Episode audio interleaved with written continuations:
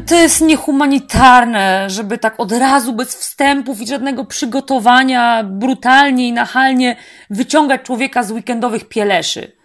Z Netflixowej hipnozy, z chipsów jedzonych w łóżku i zapijanych patriotycznie winem, raz białym, raz czerwonym. Z biegania po chacie w dresie z przytłuszczonymi włosami, bez stanika, ze słuchania bardzo głośno słabego polskiego hip-hopu, editorsów czy bebe. Tę ostatnią, żeby w końcu sama siebie zdopingować do nauki hiszpańskiego. To taki ładny język jest, a ona tak przejmująco śpiewa. Motywacja do pracy. Mocne dwa minus, ale no idę tam. Dla wielu, no serio wielu punktorów na nie wobec mojej pyraczy, które i co róż wyświetlam w głowie, istnieje stała kontra, która każe mi podnieść dupę z pościeli. Mianowicie przelew dziesiątego. Tak więc idę, mimo poniedziałku.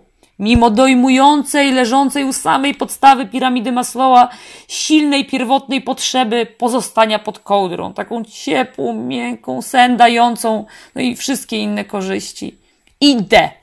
Jestem zajebiście dzielna. To ważne, żeby prawić sobie komplementy i mówić głośno o swoich osiągnięciach. Punkt dla mnie. Coraz lepiej przyswajam wiedzę z facebookowych webinarów. Dobra, dziewiąta trzydzieści. Na początek mocna kawa, bo trzeba stworzyć pozory, że się jest obecnym, czyli mieć otwarte oczy i czasami mrugać, czyli podwójne espresso. Chyba z jakimś reportem zalegam Krystynie z finansów. Trzeba znaleźć wiarygodną wymóweczkę i przesunąć deadline. Kurde, pustkę mam, ciemność widzę. No nie potrafię ściemnać ani gładko ugać na poczekaniu. Pewnie dlatego nie robię w handlu. Może umarł mi ktoś bliski, a duszę mą poniewiera bezdenna żałoba? Hmm, drama queen to ja nigdy nie byłam. Pewnie parsknę śmiechem, jak mnie krycha zapyta, czy sobie z tym radzę i czy może chcę pogadać. No nie, nie dam rady. Niby jestem na odpowiedniej drodze ku zmianie, ale dopiero stawiam pierwsze kroki, a tu taka troska, no nie podołam póki co. No może, kurde, będę improwizować, bo nic mi nie przychodzi do głowy ale powinnam mieć w odwodzie jakąś zgrabną historyjkę, kiedy nadejdzie Krystyna Szopińska. Krystyna nie podchodzi, nie chodzi, nie idzie.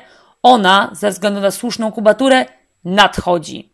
Niczym burza z chmurnym obliczem, która zbiera się trzy dni, ale jak się nie zbierze, jak nie pierdolnie. Lubię Kryśkę obserwować. Obie mamy jakieś takie staroświeckie imiona, z tym, że mój PESEL zaczyna się na 8, a jej na 6. No i to by było tyle ze wspólnych z Kryśką mianowników. Ale jest wdzięcznym materiałem do badań. Czasem w głowie słyszę Krystynę, domen omen czubówne, jak komentuje ruchy i działanie Szopińskiej. Krystyna jest jednym z ostatnich przedstawicieli swojego gatunku wyposażona w dwoje zwalistych ud, nalane policzki i bystre, małe, czarne, niczym usikory oczka. Bacznie obserwuje teren, łowiąc wzrokiem okazję do natarcia. Do bezwzględnego przyparcia do muru, przygwożdżenia ofiary serią pytań, zaczynających się od niewinnego Pani raczy mi wyjaśnić, bo chyba nie do końca rozumiem, co też autorka miała na myśli, w tym miejscu Krystyna długo rozwodzi się nad nowym zagadnieniem, nie pozostawiając złudzeń, że ofiara jest skończonym imbecylem. Dzięki niej ukułam określenie pracza zamiast praca. Pani raczy to Krystyna powinna mieć na drugie. I na nazwisko. Shop pracz, jak nic. Żal nie wykorzystać takich jebitnych konotacji. Jak ja w ogóle piszę? Jakich słów i form zamierzchłych używam? Szok. Miast. Dlaczego nie zamiast?